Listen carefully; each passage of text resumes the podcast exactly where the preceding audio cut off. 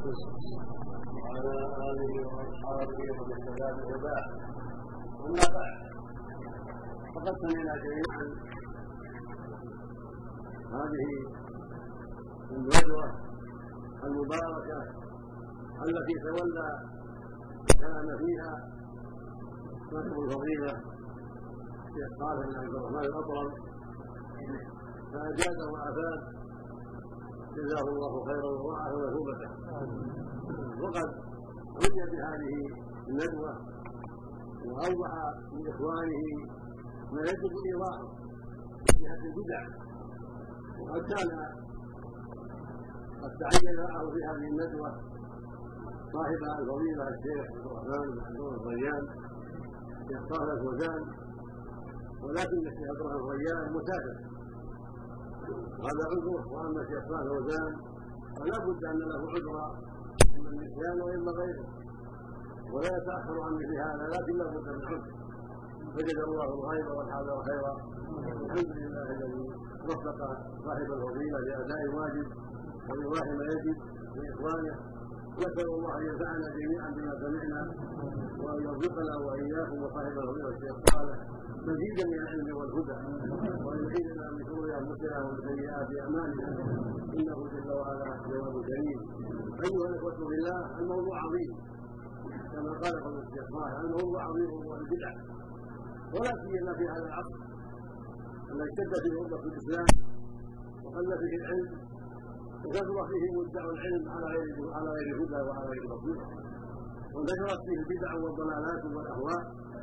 وقل فيه الدعاة إلى الخير في غالب الجهاد ولا حول ولا قوة إلا بالله. وبهذا يتعين أن يحرص جدا على سلامة دينه وأن لا يأخذ العلم إلا عن أهله لأن المدعين كثيرون. ويجب على المؤمن أن يتحرى في أهل الحق في التفقه في دينه. والسؤال عما أشكل عليه حتى لا يسلم إلا على بصيرة. وحتى يأخذ العلم من أهله. البدع وقعت منذ زمن بعيد. وكان أصلها وقع في عهد الصحابة في عهد علي رضي الله عنه في عهد الأول والقرن الأول. وأول من أحدثها كما سمعتم الخوارج قبحهم الله والرافضه الشيعه هو أول من أحدث البدع في الدين. كفر الخوارج كثيرا من المسلمين حتى كفروا بعض الصحابة بسبب الحق. الخوارج كفروا بالذنوب حصل منهم في أيام علي من الشر ما حصل. وحصل على علي من عذاب الشر كثير. حتى اعنه الله على قتالهم. فاباد قضاءهم ورحم من شرهم رضي الله عنهم وارضاهم ولكن لم يزل لهم بقايا إلى يومنا هذا.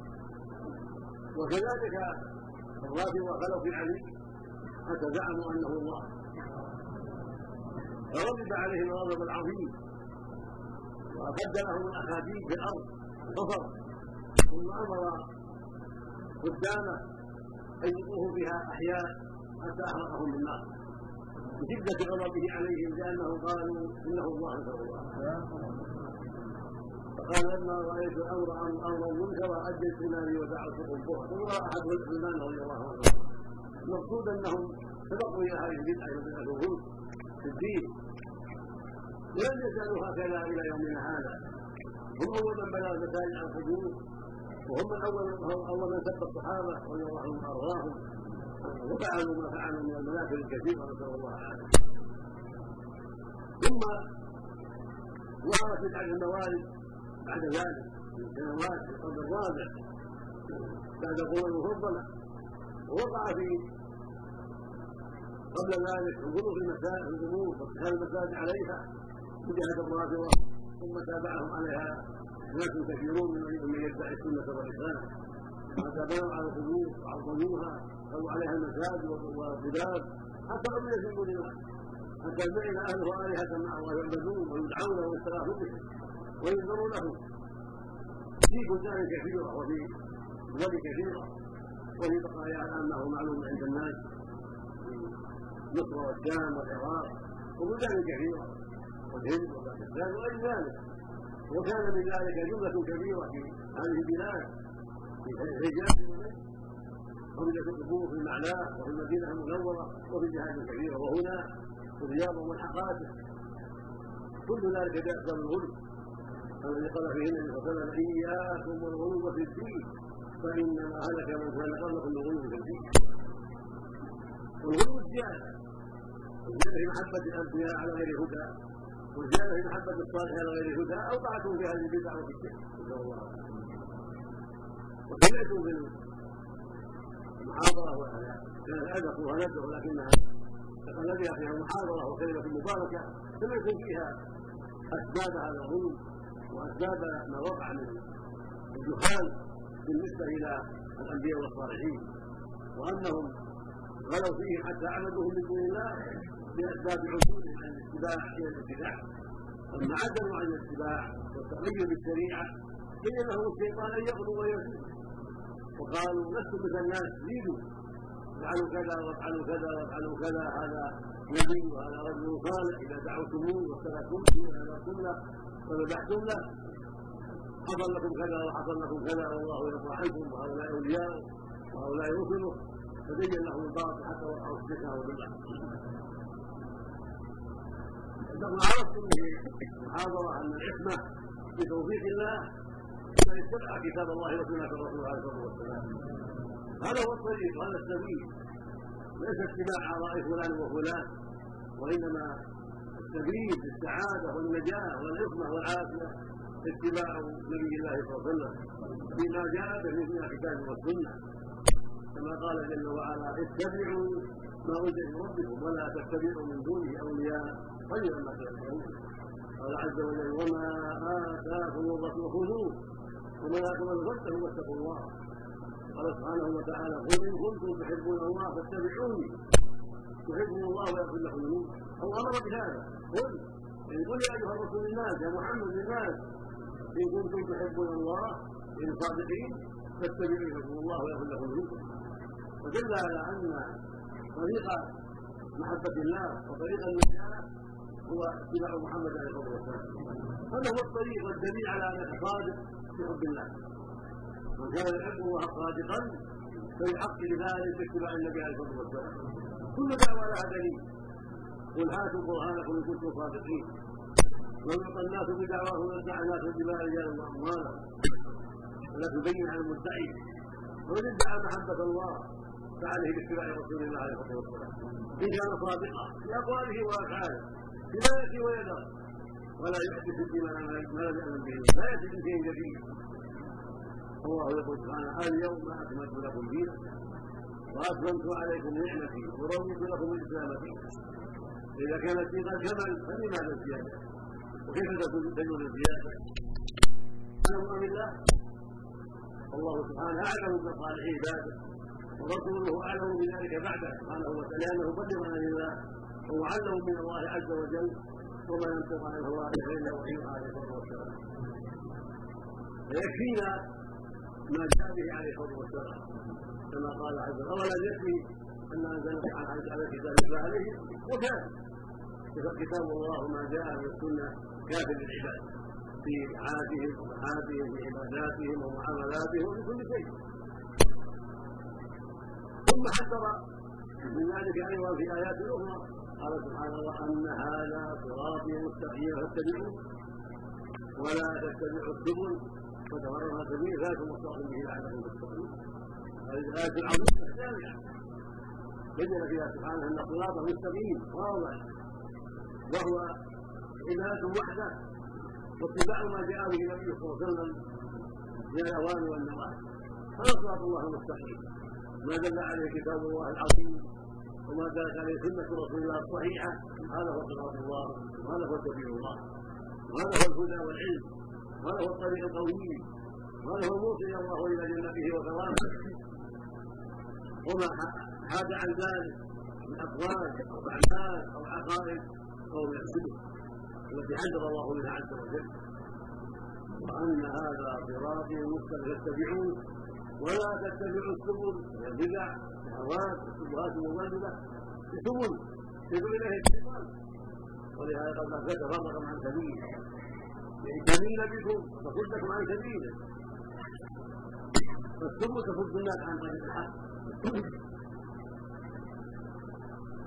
وإذا اجتمع الناس في الطريق الواحد نسال السعاده الطريق الواحد هو المنهج الطويل هو طريق الرسل عليه الصلاة والسلام هو طريق نبينا محمد صلى الله عليه وسلم وهو طريق أصحابه واتباعه بإحسان.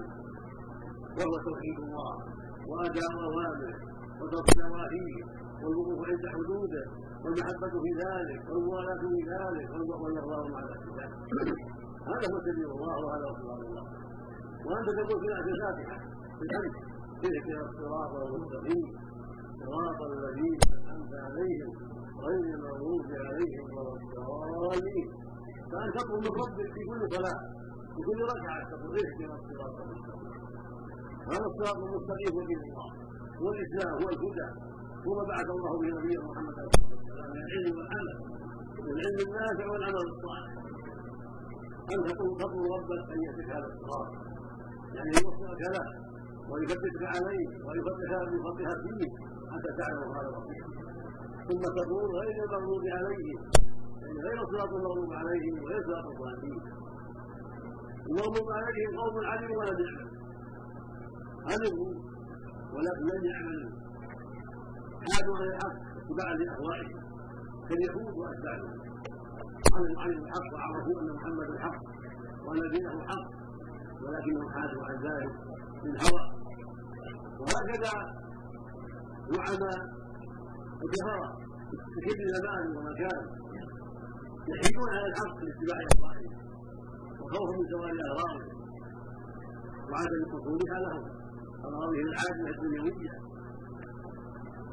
كما جرى لأبي جهل في عهد قريش لابي جهل وابان الربيع وابان الربيع وابن العتبه وعبد بن ابي معين وابن العاد وكبرائهم يعرفون ان محمدا صادق عليه الصلاه والسلام ولكن حملهم الهوى حملهم الهوى والحسد كما حمل اليهود الحسد على الحق كما قال عز وجل قد يعلم انه لا يحزنك الذي يقولون فإنهم لا يكذبونك ولكن الظالمين بايات الله يجحدون قال سبحانه وجحدوا بها واستيقنت انفسهم ظلما وعلوا قال الحق فرعون لقد علمت ما انزل هؤلاء الا رب السماوات والارض بصائر فاعداء الله واتى الكفر في زمن محمد وقبله يعرفون الحق ولكنهم يحيدون عنه اتباع الهوى وإنكار حضورهم العاجل فلا ينبغي يا عبد الله إن تكون من هؤلاء ولا أن تقتدي بهؤلاء وهكذا من بعدهم من رؤساء الضلالات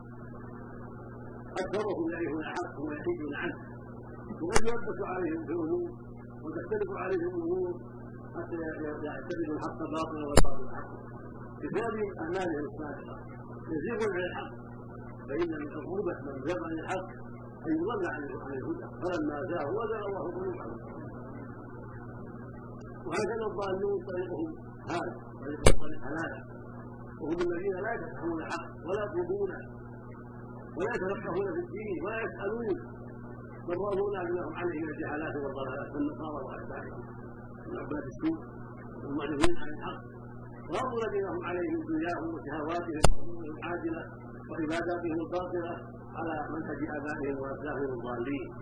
لا يتفهمون ولا يتعلمون ولا يسألون ولا يتبصرون. فانت نسال الله ان يبعث بكيف طريق هؤلاء وهؤلاء. المغضوب عليهم ولا الضالين غير المغضوب عليهم الذين عرفوا وعلموا ولكن تركوا الحق بالهوى والسياسة وغير ذلك وغير طريق الضالين الذين حادوا عن الحق جهلا وضلالا وقلة مبالاه وغفله عن الحق نسأل الله العافية. والمقصود أن الله جل وعلا بعث محمدا صلى الله عليه وسلم بالهدى وبالحق بالهدى وهو العلم النافع والأخبار الصادقة ودين الحق والشرائع المستقيمة. والاحكام العادلة قد جاء بها النبي عليه الصلاة والسلام. علم نافع وعمل صالح هذا هو الهدى وهو الحق. فعليك أن تستقيم عليه بسلوك ما دل عليه كتاب الله وسنة رسول عليه الصلاة والسلام. وذلك باتباع أصحاب النبي صلى الله عليه وسلم. فانه حمله الدين حملوها النبي عليه الصلاة والسلام. وهكذا أتباعهم بإحسان. عليك أن تستقيم عليه وأن تثبت عليه. وان يتبع عليك شيء فيدبر كتاب ربك. يدبر القرآن يدبر السنة. واسأل أهل العلم الذين يعرفهم بالحق والهدى يعرفهم بالاستقامة يعرفهم بالبعد عن أسباب الضلالة حتى يفيدوك إلى ما اشكل عليك والله جل وعلا بين في كتابه أسباب الهدى وأسباب السعادة ونهى عباده عن أسباب الهلاك فعليك أن تقرا أن تقرأ كتاب ربك. والله يقول سبحانه كتاب انزلناه إليك مبارك ليتدبروا آياته. وليتذكر اولو الالباب ويقول سبحانه وتعالى أفلا يتدبرون القرآن؟ ام على قلوب أكثر ويقول سبحانه إن هذا القرآن يهدي للتي هي اقوم فعليك أن تحترم كتاب الله وأن تقرأ كتاب الله وأن تعقل. هذا تستفيد وتفيد. وهذا في السنة سنه النبي الصحيحة. عليه الصلاة والسلام وفي سيرته واخلاقه واعماله وما درج عليه ويسر به الهدى والبيان. بما اشكى من كتاب الله عز وجل. كما قال الله سبحانه وأنزل عليها الذكر. لتبين الناس ما نزل اليه فهو مبين عن الله وهو مسجد عن الله عليه الصلاه والسلام واصحابه تلقوا عن العلم وتفقهوا عليه عليه الصلاه والسلام ثم اخبروا الامه بما عملوا عنه من الاحاديث القوليه والفعليه عليه الصلاه والسلام فاخذها عنهم التابعون ثم اتباع التابعين باحسان إلى يوم هذا الموجوده بين ايدي العلماء والعلم فعليك ان تعنى بكتاب ربك وسنه نبيك عليه الصلاه والسلام وترضى بما رضي الله به ورسوله ورضي بها بالحق والايمان والهدى عن أهل السنة والجماعه وعليك أن تحذر البدع والمخالفات والأهواء التي ما أنزل الله بها من سلطان. فتجد بهذا تحصل لك النجاة وتحصل لك السعادة. وكان النبي صلى الله عليه وسلم في خطبه يقول أما بعد فإن خير الحديث كتاب الله. خير الهدي هدي محمد صلى الله عليه وسلم وشر الأمور محدثاتها وكل بدعة. هكذا يقول الناس في الجمعه عليه الصلاة والسلام في خطبه. وشر الأمور محدثاتها. وكل بدعه ضلاله ما دام الإيمان قد اكمله الله ما دام الدين قد اكمله الله فما أحدثه الناس هو من الضلالات يعني في الدين ما أحدثه الناس مما يتقربون إلى الله ويتقربون العباده لا يوجد بكتاب السنة ينظر فيه فإن وجد في القرآن ما يدل عليه أو بالسنة والا هو المحدث. والبدعة التي ويقول النبي صلى الله عليه وسلم من احدث في أرضنا هذا ما لك ينكر ربه فهو مردود على محدثه ويقول صلى الله عليه وسلم من عمل عملا ليس عليه الله رد. ويقول اياكم بمحدثات الأمور فمن محدثات الأمور ما سمعت البناء على القبور واتخاذ الجبال عليها واتخاذ المساجد عليها هذه محدثات هذه مسائل الشرك كانت قبور المسلمين في عهد النبي صلى الله عليه وسلم بارده تحت الشمس. ليس وقع مساجد ولا خطاب ولا ابنيه ولا شيء مثل قبورنا الان في العوده والعود تتوقع شرك من بارده بينه مقال مقدس كل قول معروف إذا زاره المسلمون سلموا عليه ودعوهم النصارى. ثم الرافضه وأشبه الرافضه هذا بناء على القبور. اتخاذ المساجد. وضربها بالشروط العظيمة وتطبيقها حتى إذا جاء جاهل عامي قال يا فلان رجل ياتي بالبدوي ياتي بالحسين يا زينب يا فلانة يا عبد القادر اغثني انصرني في مريضي. أنت تعلم ما نحن فيه أنت تعلم حالنا وتوفقنا اجمعنا وانصرنا. جعله الله جعله مالها وقدم مع الله الله. وعدوا عن دعاء الحي القيوم. وقال يا الله الله عليه وسلم ويزعمون انهم شفعاء أن هؤلاء صالحون شفعاء عند الله يا سبحان الله. هذا كلام الجاهلين. هذا كلام الكفار الأولين. يقولون ما نعبدهم لا ينبغي الله يعبد هؤلاء شفعاء عند الله. فانزل الله عليهم ونهاهم وحذرهم وبعث الرسل لقتالهم على هذا. حتى يدعوه حتى يعبدوا الله وقال ربك ألا تعبدوا إلا إياه. ما قال المشركون أو جهل واشباهه ما قالوا إنهم يدعون من الله ويقولون من الله. ولا قالوا إنهم مستقيمون من الله يعرفون الله خالق الرازق المدبر ولكن قالوا ها نحضر عنهم قالوا هؤلاء الله فرد الله عليهم بقوله قل اسلمت إلى الله فيما لا يعلم السماوات سبحانه وتعالى فهو انه شرك وانه جهل وضلال وكذب على الله وقال في الأخرى ولو يتخذوا من دونه أولياء ما نعبدهم إلا لقدرهم يعني يقولون ما نعبدهم إلا لقدرهم بقدر فرد الله عليه بقوله إن الله يحكم بينهم بما هم فيه يختلفون. إن الله لا يهدي من هو كاذب فسماه كذبة بزعمه أنها تقدر مراتبه ما تقدر وسماه كفر بفعلهم هذا. إثباتهم إياها ودعائهم إياها واستغاثتهم بها وطالبهم المدد منها. تجد الان في بلدان كثيرة وطن كثيرة. يمر بقبره. المدد المدد يقف عنده. المدد المدد في كذا أو في ولده أو كذا. وينقل له الاراضين من البقر والغنم والنبوذ وغير ذلك. يرجون شفاعة هذا الولي وأنه ينفعهم وأنه يكفيهم وأنه يعطيه الولد وأن يجعل الولد المراه تحمل وفاتهم وضلالاتهم نسال الله والمقصود أن البدع تجر إلى الشرك. اعظم من المعاصي البدع. البدع تجر إلى الشرك. الشيطان يحبها أكثر من المعاصي. لأنها عدول عن دين الله. ضربا من الله وضربا من الدين واكرام على الله وقدح في الدين فالبدع معناها التنقص في الدين معناها ان الدين ما كمل معناها ان الدين يحتاج إلى زيادة. هذه البدعة زياده وأكمل الدين وأتمه قال تعالى ثم جعلناك على شريعة ما فاتبعها ولا تتبع أهواء لا نمر إنه يملك من الله شيئا وأمر به من الشريعة هم نفسها عليه الصلاة والسلام. ولا يزيد عليها عليه الصلاة والسلام. بل يسأل الله إليه وهؤلاء لا عندنا كذا وعندنا كذا هذه الزيادات على الخصوم نتفق عليها المساجد نتفق عليها القتال نقيم المغالب لفلان وفلان وفلان نمدحهم ونثني عليه ثم جرته الموارد احترموا بالنبي صلى الله عليه وسلم أو بالبدوي أو عبد القادر أو زيد أو عمرو أو علي أو الحسين هذه الاشتغالات ماذا فعل؟ جرته بالشرك قالوا يمدحونه ويأتون عليه ثم جرهم هذا المدح بمباح مدح الجهل والغلو والكفر والضلال مثل ما قال النبي صلى الله عليه وسلم لا تطروني كما أردت المقارنة إنما أنا عبد الله عبد الله رواه البخاري فجرهم الاصرار والزيادة حتى قال حتى قال إن رسول الله انصرنا مرضانا المعجم لنا إلى غير هذا ودعوا فدعوه يدعى به الله سبحانه وتعالى. وهكذا قالوا في حق علي والحسن والحسين وفلان وفلان والبدوي وعبد القادر الزيلاني والعربي وغيرهم. هكذا يفعلون ما, ما, لا يرضى إلا الله سبحانه وتعالى. هذه الاحتفالات المبتدعه التي تهمها جمعوا عليها واكلوا عليها الطعام واللحوم وغير ذلك واقاموا عليها الاشعار والمدائح جرته بالشرك حتى قال صاحب البرده في بردته يا اكرم الخلق مالي الانصراف عند حلول العبد قلت ان لم تكن في معاد أخي الانبياء فضلا. وإلا فقل جنه القدر. فان من جودك الدنيا ومرتها والنعوم علم اللوح والقلم يقول ذاك يا رسول الله ما في يوم القيامه فلا هالك اما الله نفسه ما له ان لم تكن يعني يا رسول الله في معاد لكن الجد فضلا فانه فضل والا فضل يا سنه القدر ثم يقول فان من جودك الدنيا وضرتها من جود محمد الدنيا كلها وضرتها هي الاخره يعني من جودك الدنيا والاخره جميعا. إيش بقي لنا؟ إذا كانت الدنيا والاخره كلها بالنبي ثم لا هذا جهل عظيم وبلاء شديد. ثم قال ومن علومه علم الله والقلم يعني يعلم ما في الأرض واللوح والقلم يعني المغيبات كلها. والله يقول سبحانه قل لا يعلم ما في السماوات والأرض والأرض غيب علمه.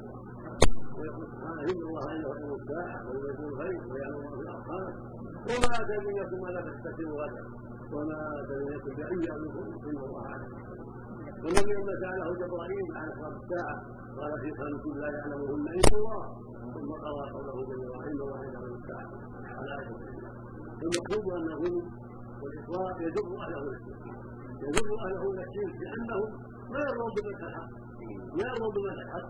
حتى يجدوا في المدح سعيدا مدحا شركيا هذا هكذا وقع في الغلاة النبي صلى الله عليه وسلم وفي علي وفي الحسين وفي فاطمه وفي العربي وفي البدوي وفي فلان وفلان نظروا هذا الغلو حتى مدحوهم بالشرك.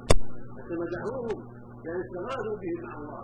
ونذروا لهم وذبحوا لهم وزعموا انهم يعلمون الغيب ويصرفوا في الكون. وفي الجنة يعطون من يشاءون ويحرمون من يشاءون. إلى ذلك من البلاء والمحن التي وقع فيها الولاة وقع فيها الولاة الذين زعموا أنهم اجتمعوا لحب النبي صلى الله عليه وسلم بهذه المواد المحدثة. يا قل أنتم اعلم بالله عن الله أنتم اعلم من الصحابه أنتم احد من الصحابه النبي صلى الله عليه وسلم لماذا ما لماذا فعل هذا عمر عثمان علي الصحابه بعدهم الذي فرطوا في هذا أنتم احد من منهم لماذا ما اجتمعوا على مولد في كل سنه أو في كل سنتين أو في كل دين لما هم جحال هم يحبون النبي صلى الله عليه وسلم ليسوا بجحال وهم احب الناس من عليه أحب منا النبي صلى الله. عليه وسلم وأعلم منا وافضل منا وخير منا. بل كان خير الناس سبقنا اليه المقصود من هذه الكلمة التي قالها الاتصال وعلم عليها المقصود بيان الحق وتعليم البدع التي يبينها أصحابها ويدعو إليها أصحابها من الشيطان. اما جهلا منهم مساكين واما عن عمد في اغراض نسأل الله أن يهده اينما كانوا في كل نسأل الله يرده للصواب وأن يرزقهم العلم النافع والبصيره النافعه وأن يعيدنا وإياهم من أنفسنا وسيئات أعمالنا. وأن يكفي شرهم وشر غيرهم وأن يرزقنا جميعا. التمسك بالحق. والثبات عليه. والدعوه اليه على بصيرة.